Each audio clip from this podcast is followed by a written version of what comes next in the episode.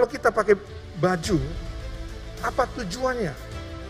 Untuk menarik orang lain. Wah, memuaskan keinginan, keinginan tubuh, keinginan jasmani. Ya, kita pakai make up. Tujuannya dulu untuk apa? Untuk menarik. Oke, menarik. Tapi menarik yang bukan suaminya, saudara, hati-hati. Itu memuaskan keinginan keinginan tubuh.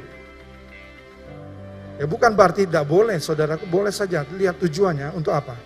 Kita mendandani diri kita uh, supaya kita rapi, kita enak dilihat, itu boleh, bagus. Tetapi kalau tujuannya untuk menarik orang lain, melihat kita, melihat kita seksi, melihat kita, melihat pahanya tinggi-tinggi, pakai celana, pakai rok pendek, nah itu dia Hati-hati saudaraku, kalau dosa sudah masuk, tidak usah tunggu iblis yang menuduh, kita dituduh. Hati nurani kita menuduh kita. Ya. Tetapi dikatakan di sini Allah lebih besar dari segala sesuatu. Dan dia datanglah kepadanya. Dia menyucikan saudara-saudara dengan dari tuduhan kepada hati.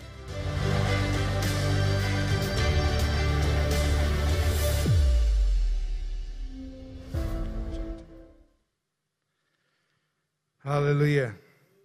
Haleluya. Uh, selamat beribadah. Uh, senang sekali melihat kehadiran saudara-saudara yang mengikuti ibadah ini secara live streaming juga.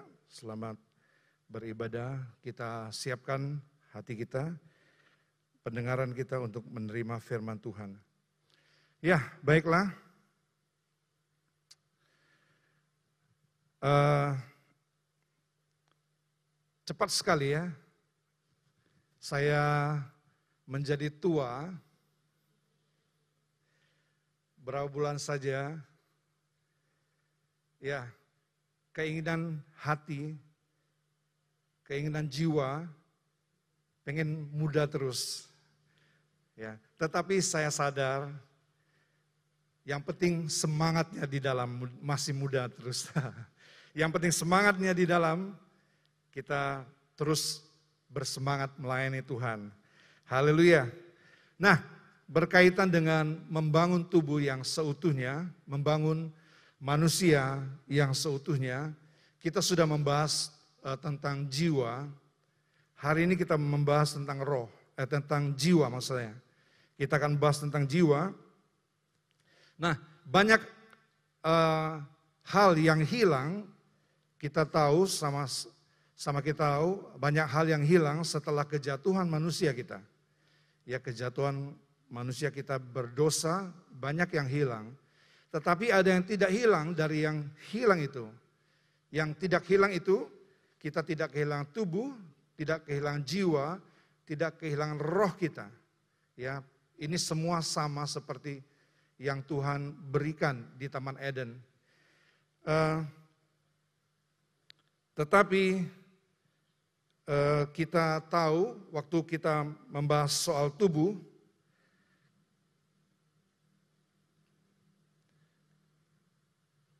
Tuhan akan memakainya mm, sebagai alat untuk mewujudkan kehendaknya dan menyatakan kemuliaannya selama kita di bumi.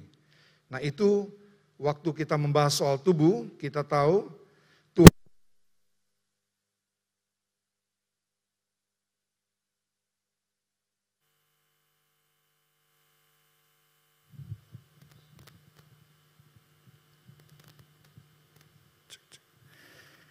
Ah, waktu kita membahas soal tubuh, ya ini kesimpulannya, Tuhan akan memakai memakainya, memakai tubuh kita ini sebagai alat untuk mewujudkan kehendaknya. Ya Tuhan punya kehendak atas tubuh kita, yaitu untuk menyatakan kemuliaannya selama kita ada di bumi ini. Ya, e, terus mengenai tubuh,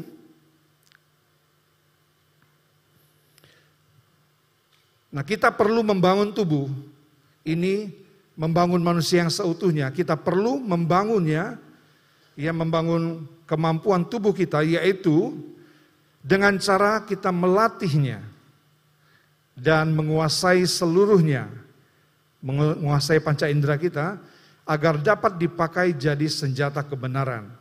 Nah ini uh, yang sudah lalu kita sudah pernah membahas tentang uh, membangun tubuh, bagaimana tubuh kita ini boleh uh, dijaga supaya tetap kudus di hadapan Tuhan sampai pada hari kedatangannya, yaitu kita melatih kita menguasai tubuh kita, kita melatih panca indera kita, kita menguasai seluruhnya, ya, eh, agar kita dapat dipakai jadi senjata kebenaran.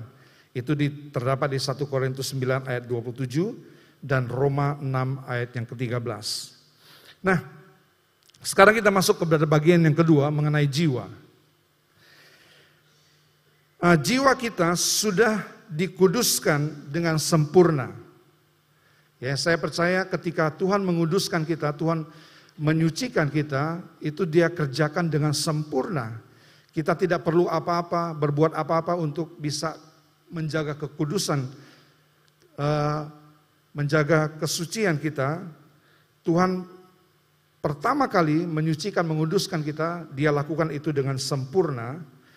Uh, asal saja saudaraku, kita tetap menjadi orang yang percaya, kita tidak murtad, kita tidak tinggalkan Yesus, ya. Kalau kita mati sekarang, kita pasti pasti masuk ke sorga. Saya percaya itu. Haleluya. Saudara percaya? Kalau saudara mati sekarang ini, saudara tetap di dalam Tuhan, saudara tidak murtad, tentunya tidak tinggalkan Tuhan, kita pasti masuk ke sorga. Hanya saja kemampuan yang terbaik pada jiwa kita sudah hilang. Ya. Pada waktu kita berdosa, kemampuan yang ada pada jiwa kita hilang. Nah, kita melihat uh, jika kita masih hidup sampai kedatangan Tuhan Yesus, jika kita masih hidup sampai kedatangan Tuhan Yesus, jiwa kita yang sudah dikuduskan dengan sempurna, yang masih tinggal di bumi ini. Nah, tadi kan sudah dikuduskan dengan sempurna, ya jiwa kita, kita masih tinggal di bumi ini, sekarang ini kita mengalami proses. Jiwa kita ini diproses oleh Tuhan, ya, yaitu kita masuk ke dalam tingkat kedewasaan yang penuh. Nah, jiwa kita terus bertumbuh dari jiwa anak-anak menjadi dewasa, sampai dewasa penuh. Nah kita mengalami proses ini. Jiwa kita tadi sudah dikuduskan dengan sempurna, Tuhan kerjakan itu. Tetapi kita tahu banyak kekurangan masih di jiwa kita, ya. Kita perlu diproses, kita masuk ke dalam tingkat kedewasaan yang penuh dari anak-anak bertumbuh menjadi dewasa. Seperti yang tertulis di uh, Efesus 4 ayat yang ke-13. Nah, kita lihat sekarang kemampuan jiwa manusia sebelum dia jatuh dalam dosa ya.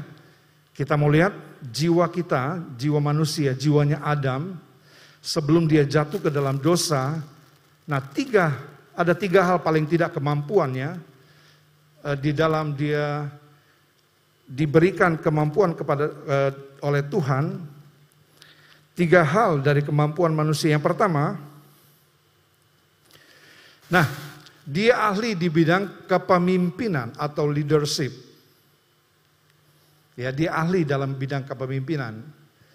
Kita sekarang belajar tentang leadership, mengembangkan kepemimpinan kita menjadi lebih baik kita mencap, uh, mencapai kepemimpinan paling tidak di dalam Tuhan kita dibawa untuk menjadi seorang pemimpin yang lebih baik. Nah, setiap kita ya, Kejadian 1 ayat 26 katakan adalah seorang pemimpin. Paling tidak pemimpin di lingkungan di mana kita berada. Di lingkungan di mana kita menguasai saya bacakan ayat ini, kejadian 1 ayat 26. Berfirmanlah Allah, baiklah kita menjadikan manusia itu menurut gambar dan rupa kita, supaya mereka, nah ini, berkuasa. Ini di bidang kepemimpinan, ini dia ahli di bidang kepemimpinan, supaya mereka berkuasa atas ikan-ikan di laut dan burung-burung di udara dan atas ternak dan atas segala seluruh dan atas seluruh bumi dan atas segala binatang melata yang merayap di bumi. Ya. Dia ahli di bidang kepemimpinan. Saudara sekarang ini kalau kita lihat para pemimpin, mereka memimpin memanipulasi orang. Ya dia pakai kekuasaannya untuk memanipulasi ya untuk uh, menekan orang lain, yaitu kepemimpinan yang salah, kepemimpinan yang sudah jatuh di dalam dosa. Tetapi kita lihat kepemimpinan ini um, sungguh memberikan inspirasi, ya kepemimpinan yang berdasarkan inspirasi orang bisa uh, mengalami perubahan, orang orang mengalami orang bisa dipengaruhi oleh kita hanya oleh karena terinspirasi dengan perbuatan kita. Perbuatan kita yang baik, orang terinspirasi mengikuti.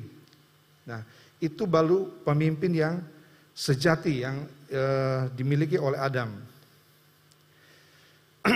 nah, bahasa Ibrani ini adalah rada, yaitu to have dominion, memiliki pemerintahan, memiliki kekuasaan, memerintah, To rule, to control, to manage, to lead, to effect, to impact. Artinya dia punya pengaruh kepemimpinan yang besar sekali, kuat sekali kepemimpinan. Dia di bidang kepemimpinan atau leadership dia kuat sekali. Nah, yang kedua, kita lihat. Dia ahli di bidang apalagi yang kedua? Dia ahli di bidang hubungan sosial dan Tentunya dengan alam. Ya, dia menguasai uh, burung-burung di udara dan ternak-ternak dan uh, ikan-ikan. Kejadian 1 ayat yang ke-27 Maka Allah menciptakan manusia itu menurut gambarnya, menurut gambarnya diciptakannya dia laki-laki dan perempuan. Nah, ini relationship ya. Ahli dia hubungan hubungannya begitu baik antara suami istri dengan alam juga begitu baik. Ya, dia dibandingkan dengan sekarang hubungan kita antara sesama, antara uh, suami istri di rumah, kita belum mencapai seperti apa yang uh, dirancangkan Allah kepada Adam dan Hawa sebelum dia jatuh di dalam dosa. Dia uh, ahli di bidang ini relationship. Nah yang ketiga, dia ahli di bidang penata layanan. Ya, yang cakap, dia ahli di bidang penata layanan yang cakap atau stewardship. Dia bisa mengelola dengan baik bumi ini, ya, dia bisa mengelola dengan baik sumber-sumber yang ada, itu dia dia mampu mengolahnya itu sebabnya Allah perintahkan dia di kejadian 1 ayat yang ke-28. Ya, Allah memberkati mereka lalu Allah berfirman kepada mereka, beranak cuculah, ya, be fruitful dan bertambah banyak, multiply. Penuhilah bumi, replenish dan taklukkanlah itu, subdue. Nah, ia berkuasa atas ikan-ikan di laut dan burung-burung di udara dan atas segala binatang yang merayap di bumi. Jadi ini kemampuan yang dimiliki jiwa kita, jiwa manusia kita sebelum jatuh ke dalam dosa. Dia pinter leadership, dia memimpin, menguasai. Dia pinter dalam hubungan relationship. Dia juga pinter dalam menata layan. Penata layanan itu pengelola. Dia sebagai pengelola yang dipercayakan ya bumi ini kepada dia untuk dikelola. Sebelum sekali lagi sebelum dia jatuh ke dalam dosa, wow, Ini jiwa kita, jiwa manusia kita, jiwa manusia Adam sebelum dia jatuh di dalam dosa. Dia, wah, kita kita lihat ya kepintarannya ini dari dari dari mana asalnya? Tentunya dari pribadi Allah. Ya, Allah itu seorang pemimpin yang baik. Dia juga punya relationship yang baik dengan manusia. Dia juga pengelola dari alam ini. Dia berikan itu kepada Adam dan Hawa untuk mengelola, untuk menguasai bumi ini. Oh, jadi itulah kemampuan yang dimiliki jiwa manusia. Wah, sekarang bagaimana keadaan jiwa kita? Ya, bagaimana keadaan jiwa kita? Ya, kita maju terus. Yang dimaksud de, yang dimaksud dengan jiwa adalah pikiran, perasaan dan kehendak kita ya pikiran, perasaan atau emosi, kehendak atau keinginan manusia kita. Inilah namanya jiwa kita. Ya, kita punya pikiran, kita punya perasaan, kita punya keinginan atau kemauan. Nah, sebelum dan setelah kejatuhan, kita lihat ya, sebelum dan setelah kejatuhan, jiwa kita diberikan kehendak bebas. Ya, Adam dan Hawa diberikan kehendak bebas. Sama setelah dia jatuh dalam dosa juga kehendak bebas itu tidak diambil oleh Allah. Ya sebelum dia jatuh dalam dosa sama kehendak bebas dia punya kemauan boleh kamu makan buah yang ada di seluruh taman ini. Hanya satu Allah berikan tidak boleh dilarang untuk dimakan buah pengetahuan baik dan jahat itu tidak boleh dimakan. Jadi jiwa kita ini punya kehendak bebas. Itu dari sejak semula sampai jatuh dalam dosa Allah belum pernah ambil itu. Ya, kita punya kehendak bebas. Nah, hanya saja setelah jatuh dalam dosa jiwa kita jadi jadi apa? Lebih mudah jatuh ke dalam dosa. Ya, setelah kejatuhan manusia itu, jiwa kita ini mulai rapuh. Ya, mulai gampang tergoda dengan panca indera, gampang tergoda, gampang uh, tertarik dengan tawaran-tawaran daripada iblis, daripada dosa, menarik, ya, sedap kelihatannya itu lebih mudah lagi. Bahkan di dalam kejadian eh, pasal yang ke-6 ya, kecenderungan hatinya mulai berbuat semata-mata jahat. Kejadian 6 mengatakan manusia yang diciptakan Allah sehingga Allah sempat eh, menyesal ya menciptakan manusia.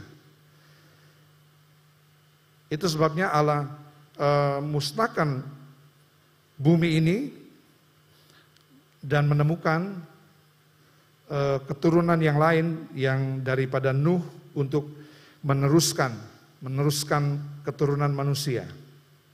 Ya. Ya, sekali lagi jiwa kita sekarang ini mudah jatuh, mudah tergoda oleh dosa, mudah tercemar.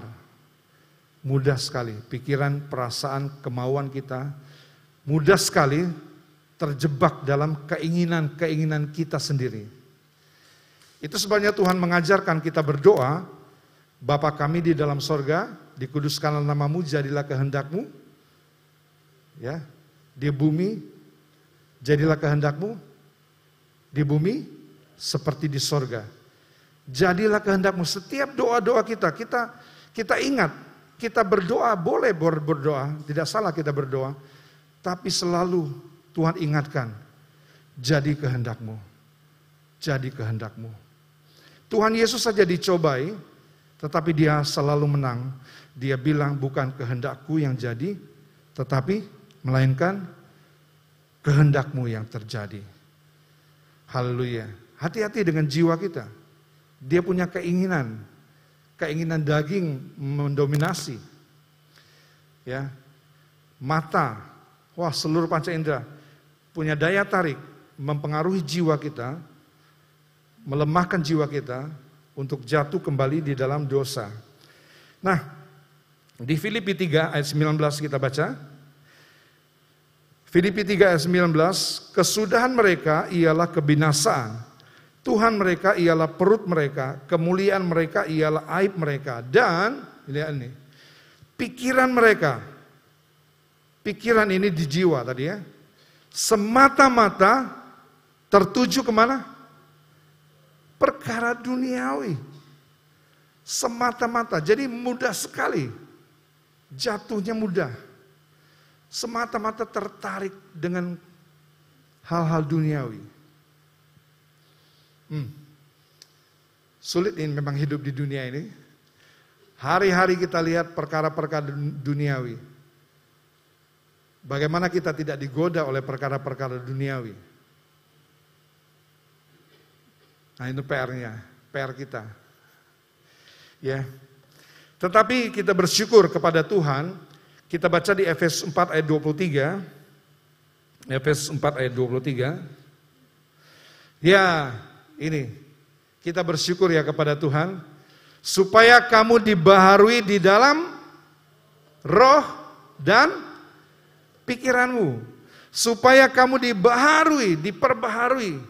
Kita bisa diperbaharui jiwa kita yang mudah jatuh dalam dosa itu, diperbaharui jiwa kita di dalam roh dan pikiranmu. Ya, pikiran itu di jiwa, kita bisa dibaharui. Kita baca lagi ayat yang ke-24. Dan mengenakan manusia baru. Ya, manusia baru itu di jiwa. Dia kenakan manusia baru yang telah diciptakan menurut kehendak Allah di dalam kelahiran baru. Ya. Menurut kehendak Allah, kita lihat diciptakan menurut kehendak Allah. Dia menaruh manusia yang baru ini dengan kehendaknya supaya terjadi di manusia baru kita kehendaknya yang terjadi di dalam kebenaran dan kekudusan yang sesungguhnya. Allah memberikan ciptaan yang baru di dalam jiwa kita yaitu kelahiran baru. Dia berikan kelahiran baru di dalam diri kita. Dia ciptakan itu supaya kita hidup menurut kehendak Allah Ya, dia diciptakan di dalam kehendak Allah dan uh, Allah memberikan kehendaknya di dalam ciptaan yang baru ini. Nah, uh, jiwa ini punya pengaruh yang besar terhadap kesehatan kita. Ya, mari kita melihatnya. Jiwa ini punya pengaruh terhadap kesehatan tubuh kita. 3 Yohanes 1 ayat yang kedua, Ini saya sering berikan ayat ini kepada yang berulang tahun. Ya, 3 Yohanes 1 ayat yang kedua. Saudaraku yang kekasih, aku berdoa semoga semoga engkau baik-baik saja. Mau baik-baik saja? Mau? Dan sehat-sehat saja. Haleluya. Ya, baik-baik dan sehat-sehat. Oh, ini idaman semua orang. Ya, tetapi kita lihat kuncinya engkau baik-baik saja dan sehat-sehat saja dalam segala sesuatu sama seperti jiwamu baik-baik saja. Haleluya. Haleluya. Mari periksa jiwa kita bersama-sama. Yo, periksa pikiran kita. Periksa perasaan kita, periksa kehendak keinginan kita. Ya. Jangan-jangan jiwanya yang sakit. Jadi mempengaruhi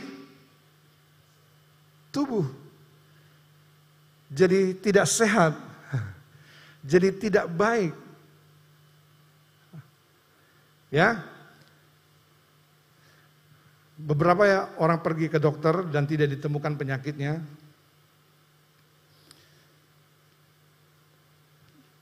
Periksa kemungkinan ini. Saya waktu saya sakit, saudaraku, saya bergumul sekali dengan ayat ini. Tuhan, saya sering uh, mengajar, mengangkat tentang ayat ini. Ya sebelum saya sakit, saya sering sekali mengangkat tentang ayat ini. Waktu saya sakit saudaraku, ya berapa bulan sampai tidak bisa eh, tidur, tekanan darah saya naik terus, terus naik, bergumul sekali ini saya. Saya bergumul berarti jiwa saya sedang sakit. Aduh sakit apa Tuhan? Aku saya bilang sama Tuhan jiwa, jiwa ini sedang sakit sehingga menyebabkan tubuh saya sakit. Tapi saya bergumul, saya bergumul terus dan puji Tuhan Tuhan lepaskan. Saya mengalami apa yang saya lagu yang saya ciptakan itu asal ku jamah jubahmu aku akan sembuh. Saya menciptakan lagu itu, mengarang lagu itu, saya belum mengalami rupanya. saya belum mengalami bagaimana saya menjamah jubah Tuhan dan Tuhan sembuhkan saya. Ya saya wah, buat lagu ternyata tidak mudah. Ya, Tuhan menantang, kamu buat lagu, kamu sudah mengalami belum? Saya tidak sadar, saya disuruh mengalami dulu. Saya alami dulu, ah, puji Tuhan, ya baru hidup ayat ini, hidup nyanyian lagu itu, asal jamah, aku akan sembuh. Jiwa dijama oleh Tuhan dulu, jiwanya dijama Tuhan dulu, lebih dulu, baru fisiknya sembuh. Saya percaya mujizat itu bisa terjadi, ya bisa terjadi secara instan bisa terjadi. Tetapi kalau saudara mau jaga kesehatan, yang pertama-tama jagalah kesehatan jiwa. Ya, jiwamu baik-baik engkau baik-baik dan sehat-sehat saja dalam segala sesuatu, sama seperti jiwamu, baik-baik saja. Ayat yang ketiga, sebab aku sangat bersuka cita ketika beberapa orang saudara datang dan memberi kesaksian tentang hidupmu, hidupmu dalam kebenaran. Sebab memang engkau hidup di dalam kebenaran. Nah, ini dia ternyata kuncinya. Hidup di dalam kebenaran itu menyehatkan jiwa kita, hidup di dalam kebenaran itu. Hidup di dalam kebenaran itu begini. Kita menjadi orang yang sama. Ya. Menjadi orang yang sama pagi, siang, sore, malam dilihat orang ataupun tidak dilihat orang, kita itu menjadi orang yang sama. Ya banyak di antara kita tidak menjadi orang yang sama. Itu sebabnya tidak damai di hati kita. Enggak ada kedamaian di jiwa kita. Kita jadi orang yang berbeda. Di rumah kita berbeda. Ya di rumah kan bukan di gereja, kita bisa buat semaunya. Kalau hari Minggu di gereja, wah kudus. Bajunya berbeda, orang yang berbeda. Kita selalu menjadi orang yang berbeda di situasi yang berbeda. Itu sebabnya kita tidak damai, saudara. Biarlah kita menjadi orang yang sama. Ya, yang baik tentunya. Yang baik yang kita pegang tetap sama. Seperti saudaraku hari ini baik baik di gereja. Kiranya saudara juga tetap menjadi orang yang sama di rumah. Seperti ini. Haleluya. Haleluya.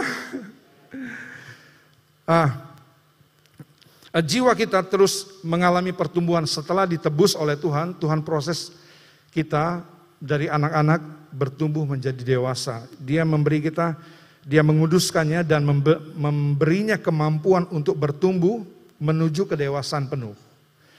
Nah, kita baca sama-sama Efesus 4 ayat 13. Efesus 4 ayat 13.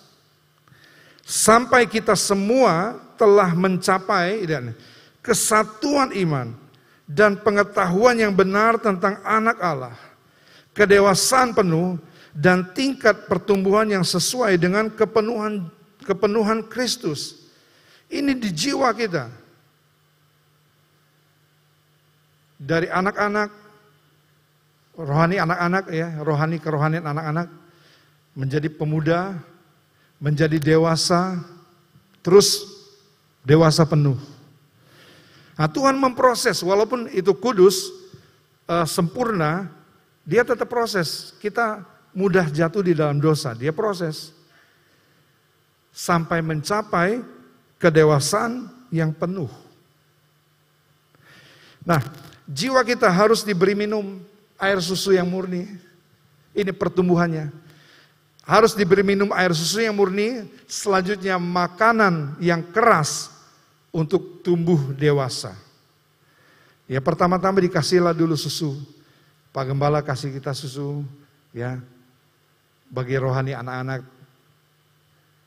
susu pertumbuh, kita bertumbuh waktu masih kecil memang tidak bisa diberi makanan keras, sakit dia bisa uh, sakit ya, dia pencernaannya belum kuat. Tapi setelah dewasa kita jangan dikasih susu terus. Ya. Walaupun susu itu menyehatkan, kita dikasih susu terus. Maaf, mencret. mencret kita dikasih minum susu terus. Ya, kita mesti dikasih makan minuman yang uh, makanan yang keras. Kita baca coba 1 Petrus 2 ayat yang kedua. 1 Petrus 2 ayat yang kedua, dan jadilah sama seperti bayi yang baru lahir. Inilah kelahiran baru di jiwa kita. Ya. Uh, yang selalu ingin akan air susu yang murni. Ya, selalu ingin akan air susu yang murni dan yang rohani. Supaya olehnya kamu bertumbuh dan beroleh keselamatan. Ya, ini kita minuman yang menyehatkan kita kalau kita masih bayi. Air susu yang murni. Nah, waktu kita sudah dewasa, kita dikasih susu, boleh juga dikasih terutama kita harus makan makanan yang keras. Ya makanan yang keras itu untuk orang-orang dewasa. Kita baca di dalam Ibrani 5 Ibrani 5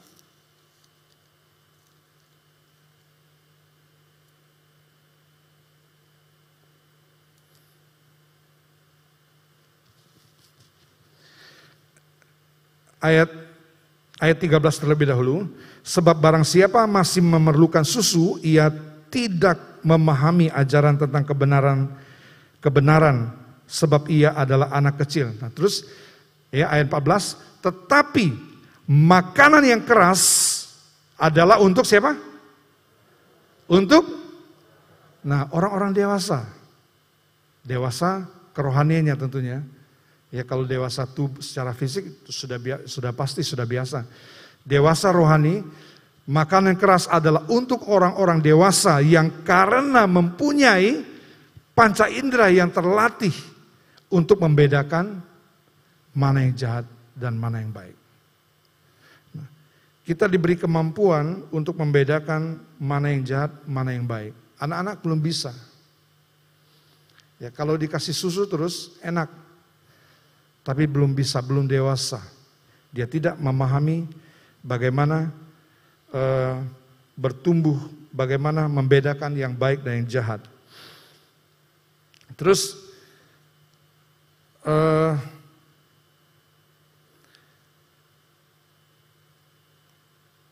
baik menjadi anak-anak.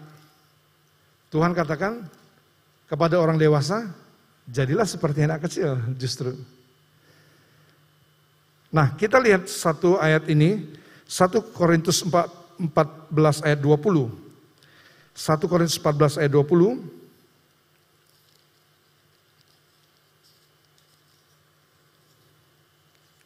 Ya. 1 Korintus 14 ayat 20. Saudara-saudara, haleluya. Janganlah sama seperti anak-anak dalam pemikiranmu, dalam jiwamu. Jangan kayak anak-anak dalam pemikiranmu. Kita harus berpikiran dewasa. Tetapi jadilah anak-anak dalam kejahatan. Oh, jadilah anak-anak dalam soal kejahatan. Tetapi orang dewasa dalam pemikiran. Apa ini maksud dengan eh, anak-anak uh, seperti anak-anak dalam kejahatan? Hmm. Ya anak-anak itu Bukan gak ngerti yang jahat, dia tahu yang jahat. Tetapi dia gampang sekali bertobat. Coba kalau kita disuruh bertobat, pertimbangannya, mikir, disuruh bertobat. Apalagi yang menyuruhnya itu masih lebih muda daripada dirinya. Ya. Lebih mudah mengampuni. Coba saudaraku disuruh ngampuni. Wah, lihat dulu siapa yang diampuni. Melupakan kesalahan orang lain. Nah, ini anak-anak.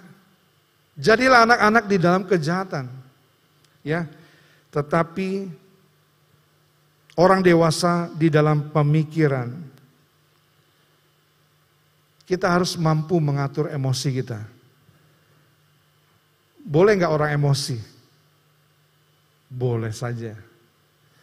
Tetapi kita bisa memanage sebagaimana kemampuan jiwa kita. Mengatur, mengelola. Kita diberikan kemampuan untuk mengatur, mengelola emosi kita. Kita harus kelola emosi kita. Jangan dibiarkan aja mengalir begitu aja. Wah, semua orang kena dampaknya. Ya, kita diberikan kemampuan untuk mengelola, mengatur emosi kita. Kita menjadi dewasa dalam pemikiran. Nah, satu ayat yang kita tidak saya tidak tulis di situ. 1 Korintus 13 ayat 11, ketika aku kanak-kanak, aku berkata-kata seperti kanak-kanak, aku merasa seperti kanak-kanak, aku berpikir seperti kanak-kanak, itu wajar karena masih kanak-kanak. Nah, sekarang sesudah aku menjadi dewasa, apa yang aku lakukan? Tinggalkan sifat kanak-kanak itu. Ayo, siapa yang dewasa rohaninya di sini? Tidak berani? Kalau sudah merasa kita dewasa, ayo tinggalkan sifat kanak-kanak itu. Tinggalkan. Ya, tinggalkan. Kalau tidak kita tidak beranjak-beranjak bagaimana kita menuju kedewasaan ya menuju ke menuju kesempurnaan gereja yang Bapak Gembala selalu dengung-dengungkan. Kita sedang persiapan menuju ke sana. Gimana kalau kita masih kanak-kanak terus? Masih kanak-kanak. Kita perlu dewasa, saudaraku. Sebentar lagi kita Bapak Gembala katakan memang ini. Kita punya peluang yang besar sekali. Melihat, mengalami kejadian-kejadian di akhir zaman ini. Di mana gereja akan mengalami pemisahan. Masuk nanti materai yang keenam. Itu e, bencana sudah global sekarang ini. Ya, bencana-bencana itu tidak lagi skalanya e, di satu tempat, tetapi sekarang sudah mengglobal. Ya. Bingung kan kalau kita lihat Indonesia bisa turun hujan es, tapi di Surabaya beberapa waktu yang lalu terjadi hujan es. Wow, global sekarang bencana-bencana. Apalagi memasuki meterai uh, sangkakala nanti. Kita siap siap dipisahkan. Siap masuk ke pemisahan gereja. Saudara tentunya sudah siap. Sudah siap bukan? Amin. Kita tentunya sudah siap ke sana kalau kita sudah dewasa. Nah, jiwa kita harus dikendalikan oleh roh kita. Nah ini, jiwa ini pengendali, dikendalikan oleh roh harusnya. Ya, jujur saja kebanyakan jiwa kita dipengaruhi oleh tubuh kita. Tubuh kita yang butuh mempengaruhi jiwa kita. Jiwa nurut aja, padahal tidak boleh. Yang harus kita jadikan budak kita, yaitu tubuh kita dikuasai oleh jiwa yang sudah dikuasai oleh roh kita. Ya, jiwa itu harus jadi budaknya roh. Dia harus jadi alat supaya dia bisa dikendalikan. Kalau dia tidak dikendalikan, begitu bahaya kita. Ya, jiwa itu harus dikendalikan oleh roh. Jika tidak dia ini, jika tidak dia sakit jiwa. Haleluya. Siapa yang sakit jiwa. Tentunya kita tidak mau dikatakan sakit jiwa. Tetapi mari kita uh, dewasa, bertambah dewasa, kita mau dikendalikan oleh roh kita. Nah, bagaimana prosesnya? Ya, kita akan lihat ini nanti pada waktu kita membahas tentang roh. Kita akan bahas tentang roh, nanti kita akan lihat prosesnya bagaimana roh mengendalikan jiwa kita. Ya, bagian yang terakhir, bagaimana jiwa tetap terjaga sempurna. Ya, dikatakan tadi jiwa kita, tubuh jiwa roh itu terjaga, terpelihara sempurna sampai kedatangan Tuhan. Nah, bagaimana jiwa kita tetap terjaga sempurna? Kita buka Filipi 4 ayat yang ke-6. Janganlah hendaknya kamu khawatir tentang apa pun juga. Amin. Amin. Saudara ada yang khawatir pagi hari ini? Haleluya. Ada yang khawatir pagi hari ini? Inilah kita periksa jiwa kita ya. Janganlah hendaknya kamu khawatir tentang apa pun juga. Jiwa kita mau sehat, ikuti saja firman Tuhan. Firman Tuhan pasti menjamin kemampuan kita untuk tidak khawatir.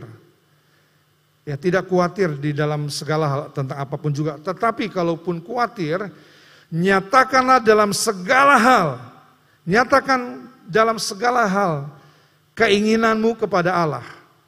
Apa saja yang kita inginkan, nyatakan kepada Allah di dalam doa dan permohonan. Kekhawatiran kita harus disalurkan di dalam doa dan permohonan. Maka khawatirnya hilang. Kita tidak tahu pergi ke mana dia. Tapi yang pasti kita nyatakan, kita perlu nyatakan di dalam doa dan permohonan dengan ini mengucap syukur. Dengan ucapan syukur kita perlu kita terus bersyukur dalam kehidupan ini. Ada alasan untuk kita tidak bersyukur, tetapi lebih banyak lagi alasan untuk kita bisa bersyukur. Amin. Saudara bisa bersyukur tentang kehidupan dari sejak saudaraku bernafas pagi, bangun pagi, bersyukur. Pagi hari tadi saya bersyukur. Buat anugerah Tuhan, buat saya, kita bisa tidur nyenyak, kita bisa bangun dalam keadaan tubuh yang disehat, diberkati, bersyukur kepada Tuhan. Ya. Kalau kita memikirkan yang yang jahat, itu mempengaruhi tidur kita juga. Kita tidak bisa tidur, kita selalu terbayang-bayang. Nah, nyatakan segala keinginan keinginanmu kepada Allah di dalam doa dan permohonan dengan ucapan syukur. Ayat yang ketujuh. Damai sejahtera Allah yang melampaui segala akal akan ini dia jiwa. Supaya jiwa kita terpelihara sempurna. Ya sebelum kedatangan Tuhan. Ini saudaraku, Damai sejahtera Allah yang melampaui segala akal akan memelihara hati dan pikiranmu, jiwamu di dalam Kristus Yesus. Ya. Damai sejahtera Allah tadi kita lihat kita jadi orang yang sama. Di mana saja kita sama. Kita tenang karena di dalam kita sama. Kita tidak munafik.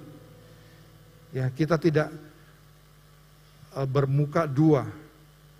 Kita tidak kita baik di rumah, baik di gereja, di mana aja kita baik. Sebagai atasan kita baik, ya, sebagai anggota gereja kita baik. Pilihlah karakter karakter itu dan kenakan di dalam diri kita. Ayat yang terakhir lagi. Ayat 8. Jadi akhirnya saudara-saudara simpulannya nih, semua yang benar kita baca sama-sama ayat ini ya. Dua, tiga.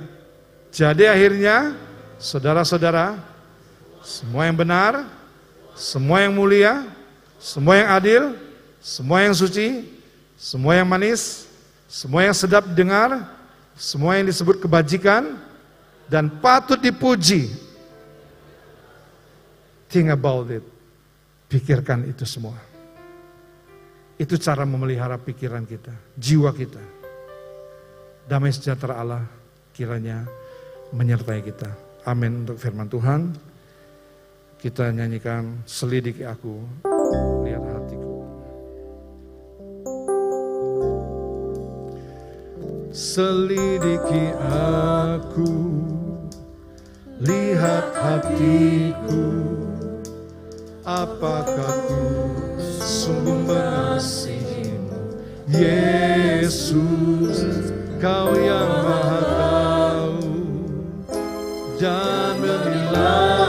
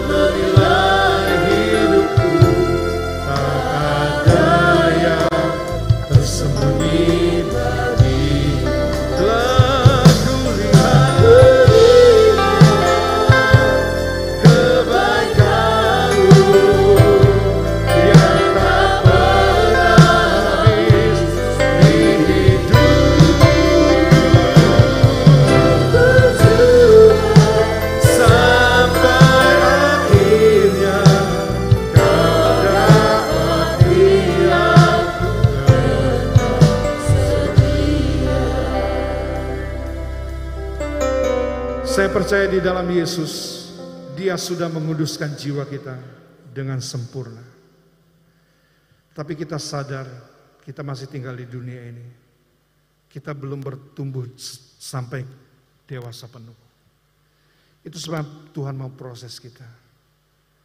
Hari ini, kalau proses itu datang di dalam kehidupan kita, mari kita bersikap dewasa, tinggalkan kanak kekanak-kanakan itu. Tinggalkan itu dan kita menuju kepada kedewasaan. Kedewasaan yang penuh di dalam Kristus. Di manakah di itu terjadi? Di jiwa kita. Kita minta kemurahan Tuhan supaya Tuhan yang punya kekuatan, kemampuan yang dia berikan kepada Adam, diberikan juga kepada kita. Kita mampu mengelola, kita mampu memimpin, kita mampu berelasi dengan orang lain. Dengan kemampuan itu, Tuhan akan menjadikan kita dewasa dan memberi kesempurnaan pada gerejanya.